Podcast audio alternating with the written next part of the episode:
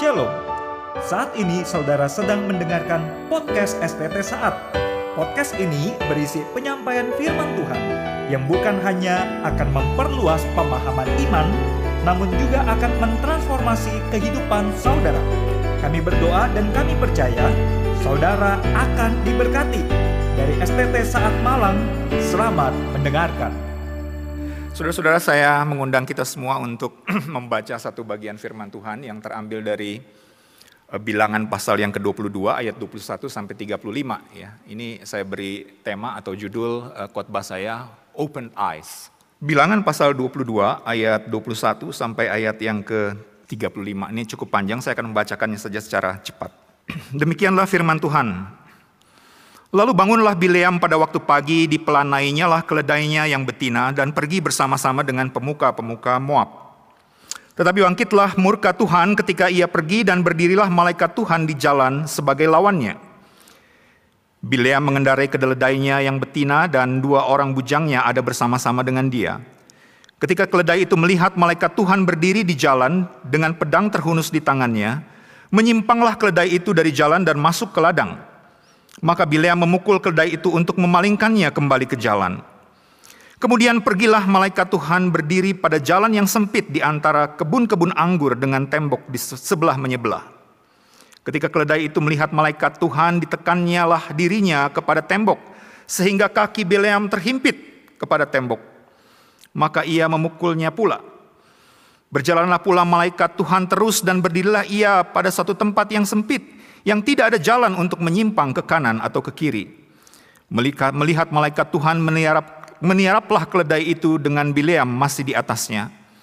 Maka bangkitlah amarah Bileam lalu dipukulnya keledai itu dengan tongkat.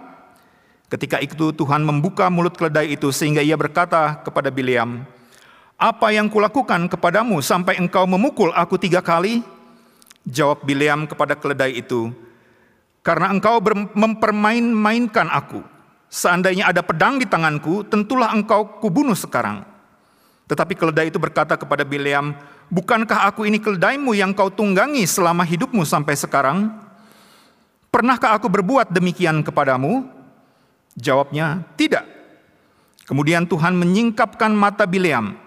Dilihatnya lah malaikat Tuhan dengan pedang terhunus di tangannya, berdiri di jalan. Lalu bertelututlah ia dan sujud. Berfirmanlah malaikat Tuhan kepadanya, apa sebabnya engkau memukul keledaimu sampai tiga kali? Lihat aku keluar sebagai lawanmu sebab jalan ini pada pemandanganku menuju kepada kebinasaan. Ketika keledai itu melihat aku, telah tiga kali ia menyimpang dari hadapanku. Jika ia tidak menyimpang dari hadapanku, tentulah engkau yang kubunuh pada waktu itu juga, dan dia kubiarkan hidup. Lalu berkatalah Bileam kepada malaikat Tuhan, Aku telah berdosa karena aku tidak mengetahui bahwa engkau ini berdiri di jalan menentang aku. Maka sekarang, jika hal itu jahat di matamu, aku mau pulang. Tetapi malaikat Tuhan berfirman kepada Bileam, Pergilah bersama-sama dengan orang-orang itu, tetapi hanyalah perkataan yang akan kukatakan kepadamu harus kau katakan. Sesudah itu, pergilah Bileam bersama-sama dengan pemuka-pemuka Balak itu. Saudara-saudara, eh, selamat dan berbahagia saudara yang membaca atau kita yang membaca firman Tuhan dan merenungkannya, tapi lebih berbahagia bagi saudara dan saya yang melakukan firman ini di dalam kehidupan kita sehari-hari. Saudara-saudara kita sudah mendengar sejak awal semester ini bahwa uh, tema tahunan STT Saat, khususnya menjelang HUT yang ke-70 ini adalah to see what Jesus atau God sees. Melihat apa yang Yesus atau Allah lihat. Saudara-saudara waktu memikirkan uh, tema ini, saya mulai bertanya-tanya. Apakah yang membuat saya dan saudara dapat melihat apa yang Allah lihat? Atau kalau mau dirubah sedikit pertanyaannya adalah, apa sih syaratnya supaya saya sebagai orang Kristen dapat melihat apa yang Tuhan lihat. Jika pertanyaan ini ditujukan juga kepada saudara-saudara, kira-kira apa ya jawab saudara-saudara? Apa yang membuat Anda dan saya dapat melihat apa yang Allah lihat? Saudara-saudara memikirkan jawaban ini, saya mendapatkan jawaban yang sangat-sangat sederhana. Jika pertanyaan ini ditanyakan kepada saya, saudara-saudara saya akan menjawab. Tentu saja, saya harus mempunyai mata. Betul ya? Nggak mungkin kita bisa melihat sesuatu tanpa melihat apa yang Allah lihat, tanpa memiliki mata. Tetapi tentu saja saudara-saudara ada catatan di sini. Mata ini adalah mata yang terbuka. Open eyes. Mata yang terbuka. Saudara-saudara mungkin jawaban ini terkesan mudah, betul ya? Nggak sulit menjawab pertanyaan ini. Tetapi saudara-saudara jawaban ini memiliki implikasi yang sangat sulit, yang tidak mudah, yang tidak gampang. Sebab meskipun saya memiliki mata yang terbuka, Apakah saya dapat melihat dengan presisi yang tinggi, dengan keakuratan, dengan ketepatan yang tinggi mengenai apa yang Allah lihat? Apakah mata saya ini mampu melihat dengan tingkat akurasi yang tinggi, sama seperti apa yang Allah lihat? Saudara-saudara, saya pernah diberitahu oleh teman saya, seorang eh, penerbang TNI Angkatan Udara, bagaimana sulitnya melewati tes saringan masuk ke sekolah pendidikan penerbang. Salah satu tes yang tersulit adalah tes penglihatan rupanya. Bukan tes jasmani atau lari keliling lapangan atau push up dan lain sebagainya. Tetapi dia katakan yang paling sulit adalah tes penglihatan.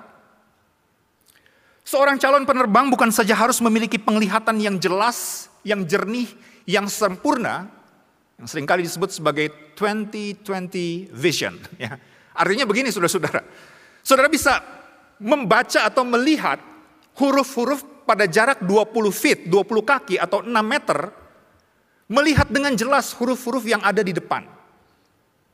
Dan juga angka-angka yang diberikan. Saudara-saudara bukan hanya melihat objek dari depan, tetapi yang paling sulit adalah bagaimana bisa melihat objek itu dari depan sekaligus dari samping. Caranya begini saudara-saudara. Ada dua batang kayu ya, yang kemudian diikat pakai tali dan kemudian kita mengontrol tali itu. Dua kayu ini dibuat jarak yang berbeda. Saya melihatnya seperti ini. Saya berusaha harus mengatur tali itu atau jarak itu dua kayu ini, ya batang mungkin sekitar 10 cm, ya tidak terlalu panjang, ya, tidak terlalu besar. Supaya dia memiliki kesejajaran seperti ini, kalau sudah lihat dari samping. Betul ya? Bisa lihat ya? Dari jarak 10 meter, kita harus bisa menyesuaikan tali, eh, tongkat apa ta, eh, kayu itu supaya jaraknya sejajar seperti ini dari depan. Saudara-saudara banyak peserta yang punya mata, yang dapat melihat, tetapi mereka melihat bukan dengan presisi yang tinggi. Oleh karena itu Bapak Ibu dan Saudara-saudara banyak peserta yang meskipun punya mata dan dapat melihat, tetapi mereka tidak lulus. Mereka tidak bisa melewati tes tersebut sedikit sekali yang dapat melihat dengan tingkat presisi yang tinggi. Nah, saudara-saudara, hal ini juga yang terjadi mungkin pada pengalaman Bileam yang tadi kita baca. Kalau saudara-saudara membaca uh, bagian-bagian uh, Alkitab, ayat-ayat atau pasal sebelumnya paling tidak, saudara akan menemukan sebuah cerita di mana Balak bin Peor, Raja Moab, meminta Bileam, seorang juru tenung atau tukang tenung, sorcerer atau diviner itu, orang yang terkenal, untuk mengutuki umat Allah, orang Israel yang sedang melintas keluar dari Mesir, melewati Sinai, dan sedang menuju ke tanah Kanaan. Raja Moab ini menawarkan uang atau harta yang banyak untuk pelayanan ini. Ya, ada fee-nya. Rupanya jual beli pelayanan, jual beli berkat sudah ada sejak zaman dahulu ya. Ini bukan fenomena hari ini saja. Itu sudah ada pada zaman Bileam. Ada fee-nya. Ya. Pelayanan ada fee-nya. Memberkati orang ada fee-nya. Mendoakan orang ada fee-nya. Termasuk di sini dikatakan mengutuk orang ada fee-nya juga. Jika kita membaca bagian sebelumnya, pasal 22 ayat 2 sampai 19. Kita melihat ada kesan bahwa Bileam itu sepertinya berkali-kali tidak memenuhi permintaan raja. Kesannya dia adalah orang yang baik, orang yang taat, orang yang setia. Orang yang sensitif terhadap kehendak Tuhan. Namun beberapa penafsir sepakat bahwa meski tampak Bileam sangat sensitif terhadap Tuhan dan terhadap kehendaknya, sebenarnya ia memiliki motif atau instant, intensi terdalam di dalam hatinya untuk berangkat juga dan mengutuki orang Israel. Di dalam hatinya ada motif, ada intensi juga untuk menerima fee itu. Ya, uang pelayanan itu. Uang hasil dari pelayanan itu. Seorang bapak gereja Ambrosius mengatakan he was tempted by love of money.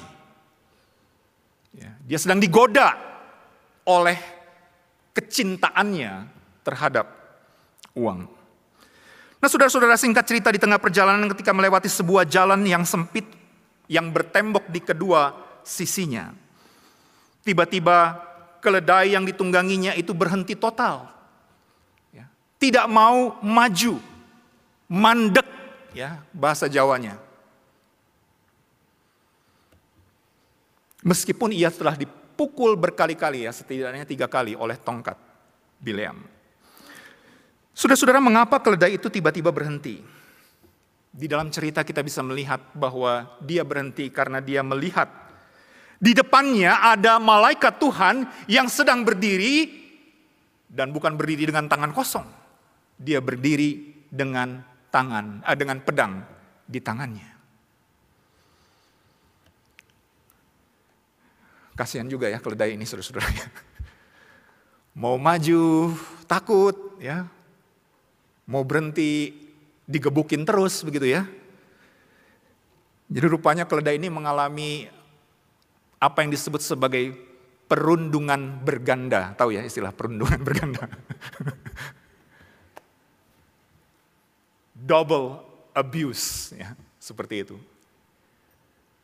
Dia udah dibully oleh malaikat, digebukin lagi oleh Bileam, uh, tuannya.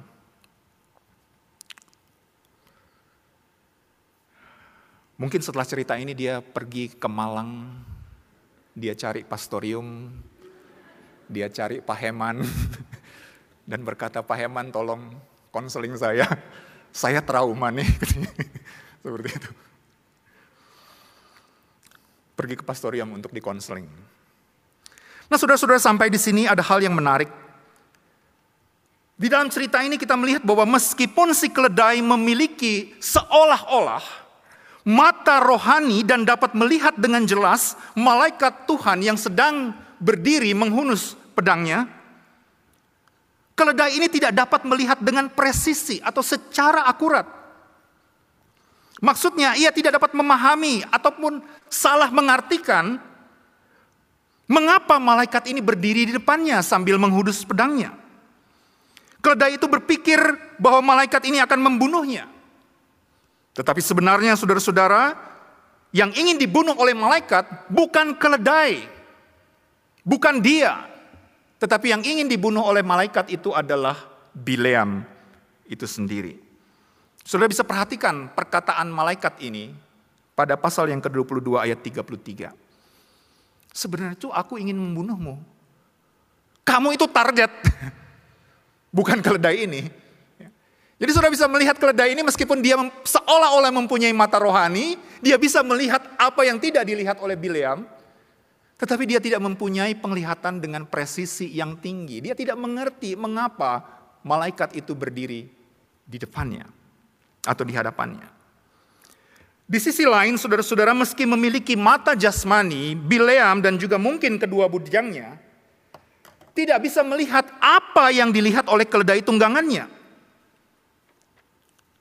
Seolah-olah ingin mengatakan bahwa Bileam itu meskipun ia mempunyai mata roh, mata jasmani, dia tidak mempunyai mata rohani yang dapat melihat realita ilahi yang ada di depannya. Apalagi melihat dengan presisi, dengan akurat dan memahami apa yang sebenarnya sedang terjadi. Ada ironi di sini. Bileam yang berprofesi sebagai juru tenung, yang mungkin juga mempunyai karunia sebagai pelihat, sebagai seer, melihat hal-hal yang tidak dapat dilihat oleh manusia biasa. Tetapi dalam peristiwa ini, dia tidak dapat melihat hal tersebut.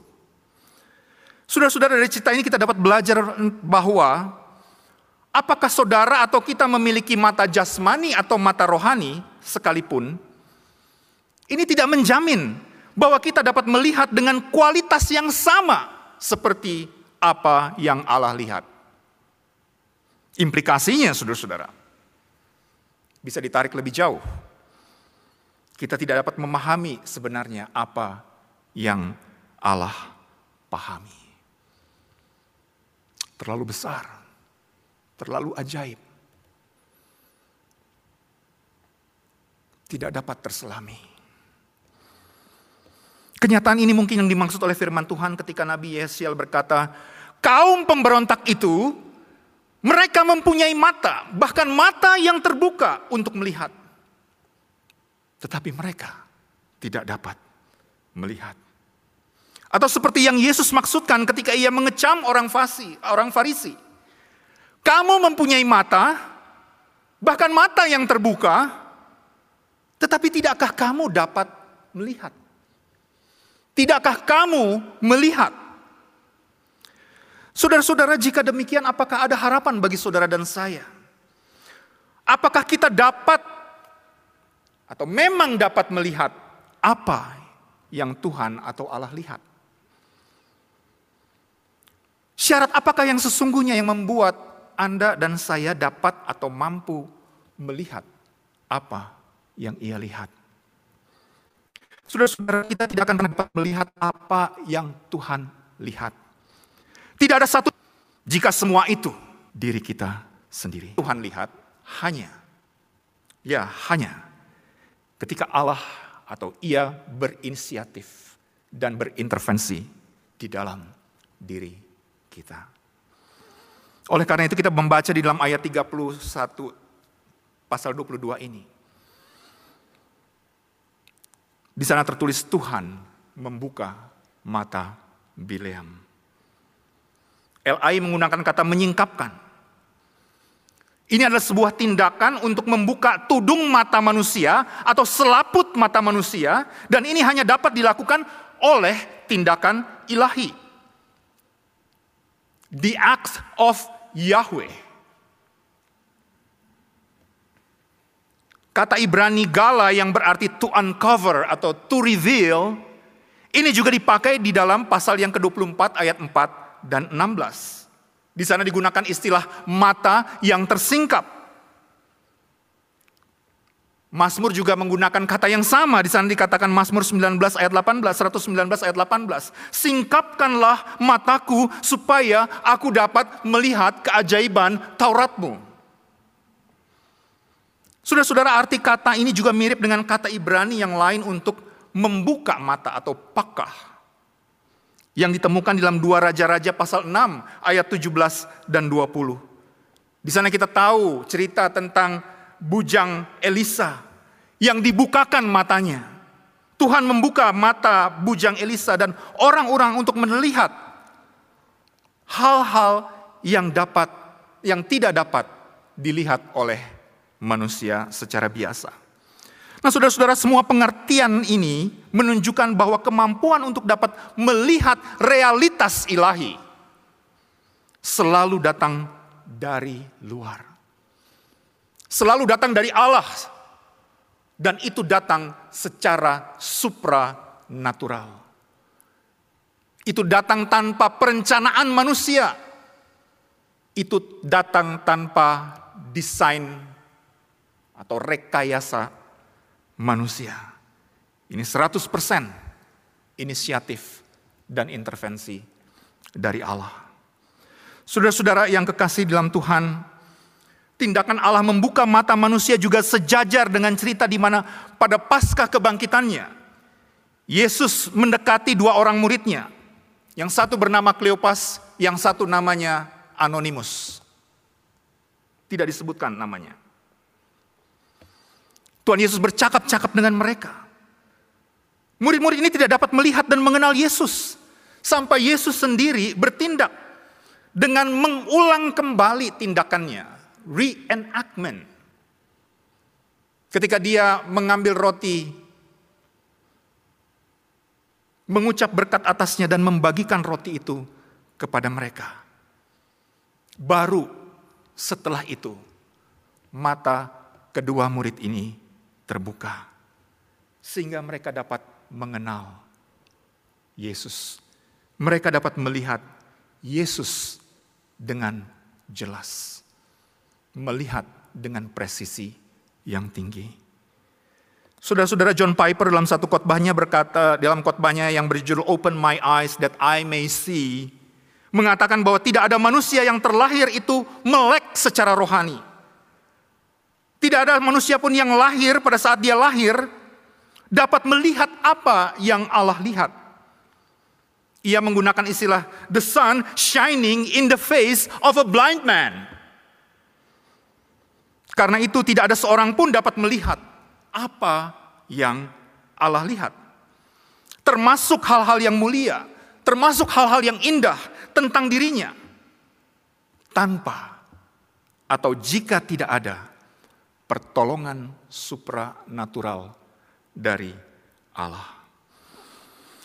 Saudara-saudara, eh, selama setahun eh, saya beribadah di gereja Anglikan.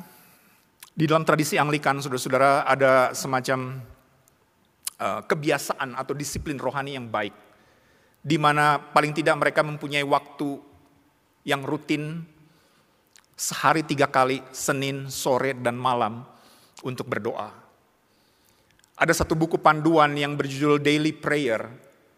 Di sana dituntunlah jemaat untuk berdoa selama uh, tiga kali sehari. Saudara-saudara yang menarik di dalam doa itu, ketika saya mengikuti doa itu setiap hari, ada satu kalimat atau ada satu doa yang memulai kegiatan berdoa itu.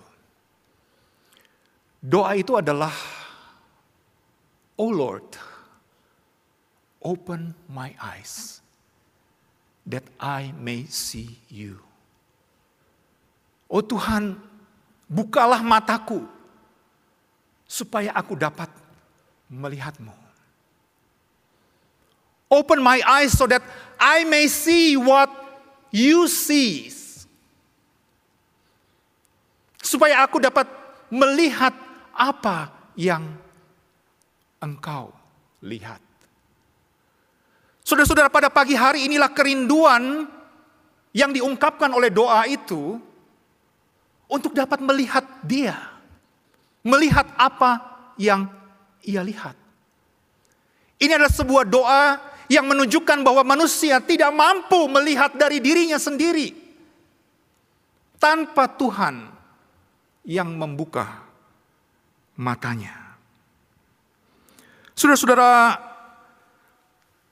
kisah Biliam ini mengajarkan kepada kita bahwa jika Tuhan tidak bertindak, jika ia tidak berintervensi, jika ia tidak membuka dan menyingkap mata rohani kita, maka kita tidak dapat melihat apa-apa tentang realita rohani. Tentang apa yang dilihat oleh Tuhan. Apalagi memahaminya. Saudara-saudara tidak berhenti di situ setelah mata Biliam terbuka. Apa sih sebenarnya yang dilihatnya? Ia melihat Tuhan sedang atau malaikat Tuhan sedang berdiri dengan pedang terhunus di tangannya. Sedang berdiri menghalang-halanginya atau menghalangi jalannya. Celakanya saudara-saudara makhluk ini sedang dalam posisi siap untuk membunuhnya. Artinya tadinya memang dilihat sepertinya dia dari jauh. Tetapi dikatakan dia pergi, pergi itu mendekat sampai dekat sekali. Seolah-olah dia tidak lagi bisa memberikan jalan kepada keledai dan Bileam itu untuk ke mana-mana. Ya. Terperangkap. Seperti itu.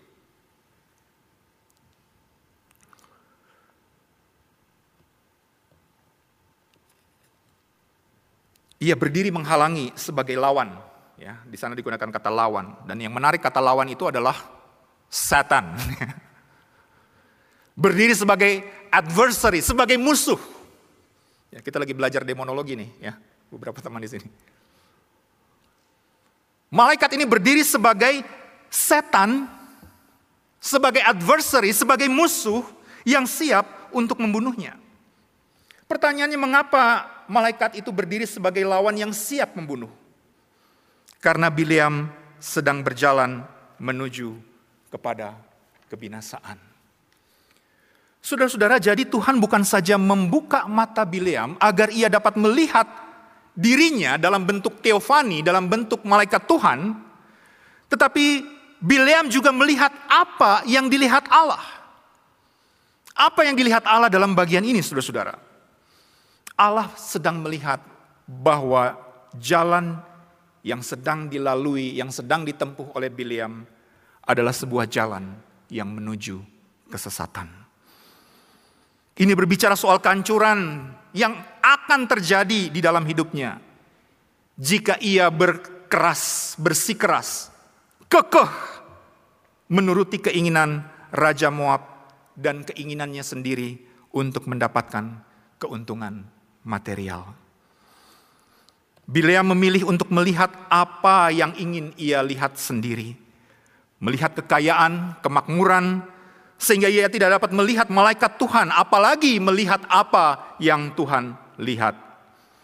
Tanpa Allah yang berintervensi membuka matanya dan menyatakan kehendaknya, Bileam mungkin akan menghabiskan seumur hidupnya untuk mengejar sesuatu yang salah sesuatu yang tak berguna, sesuatu yang jahat. Tanpa intervensi ini, mungkin Beleam tidak pernah tahu bahwa ia sedang berada pada jalan kebinasaan, jalan kehancuran. Saudara-saudara, kitab bilangan ditulis untuk dibaca oleh generasi kedua yang keluar dari perbudakan di Mesir. Sementara itu kita tahu bahwa generasi pertama semuanya telah binasa di padang gurun. Karena mereka telah memberontak. Mereka telah merusak perjanjian dengan Allah. Generasi pertama tidak mampu melihat apa yang Allah lihat. Untuk generasi yang kedua ini, mereka ini sedang dipersiapkan untuk masuk ke tanah Kanaan, ke tanah perjanjian. Jadi kisah Bileam yang dimaksud dimasukkan di dalam kitab bilangan ini menjadi peringatan bagi semua yang membaca kitab ini. Bahwa sedang mereka semua sedang dipersiapkan untuk masuk ke tanah perjanjian. Kisah Bileam menjadi peringatan bahwa Allah lebih melihat motif hati. Allah lebih melihat intensi hati manusia. Jika motivasi itu salah di hadapannya, maka kita sedang berdiri dengan Allah. Di hadapan Allah sebagai musuhnya. Tuhan berubah menjadi setan. Dalam pengertian Tuhan berdiri sebagai lawan kita. Ketika kita berdiri atau kita mempunyai motif atau intensi yang jahat dan salah di dalam diri kita. Saudara-saudara, Tuhan lebih concern dengan persoalan apa yang ada di dalam hati kita. Melihat apa yang Allah lihat ke dalam dulu, ke dalam diri kita sebelum kita melihat apa yang Tuhan lihat di luar sana. Dan ini menjadi kesempatan yang baik bagi kita. Sebelum kita melihat apa yang Tuhan lihat di luar sana. Tuhan mau Anda dan saya untuk melihat apa yang Tuhan lihat di dalam hati kita. Saudara-saudara, para pembaca kitab bilangan ini memerlukan intervensi Allah yang akan menyadarkan mereka dari kesesatan. Sehingga mereka dapat kembali kepada Allah, bertobat dan dipulihkan. Minggu lalu, saudara-saudara, Pak Wilson berkhotbah dan mengutip dari Ibrani pasal yang ke-12 ayat yang ke-14. Bahwa tanpa kekudusan, tidak ada seorang pun dapat melihat Allah. Tanpa kekudusan, tidak seorang pun dapat melihat Allah, melihat apa yang Allah lihat dengan presisi yang tinggi. Dari sini kita tahu sekarang bahwa apa yang Allah lihat, yang ingin kita juga lihat, bukan saja soal kesuksesan, keberhasilan, bukan saja soal sesuatu yang besar di depan, masa depan yang cerah, seperti janji Allah kepada Abraham di kejadian pasal yang ke-12, tetapi juga soal peringatan tentang dosa Peringatan tentang keliruan, langkah-langkah yang salah. Yang bertentangan dengan kehendaknya. Yang bisa membawa kita menuju kebinasaan. Saudara-saudara intervensi Allah ini bertujuan untuk mengkalibrasi. Menyelaraskan kembali langkah hidup dan peran kita. Yang mungkin sudah menyimpang. Yang mungkin sudah tersesat. Sehingga langkah hidup dan peran kita sesuai kembali dengan kehendak dan rencana Allah di dalam Yesus Kristus. Sudah-sudah saya mau akhiri khotbah ini, saya mau mengutip perkataan Tuhan Yesus kepada jemaat di Laodikia. Di dalam Wahyu pasal 3 ayat 17 sampai 18. Karena engkau berkata, "Aku kaya dan aku telah memperkaya diriku, dan aku tidak kekurangan apa-apa." Dan karena engkau tidak tahu bahwa engkau melarat dan malang, miskin, buta, dan telanjang, maka aku menasehatkan kamu. I counsel you supaya engkau membeli daripadaku emas yang dimurnikan dalam api, agar jangan kelihatan ketelanjanganmu yang memalukan.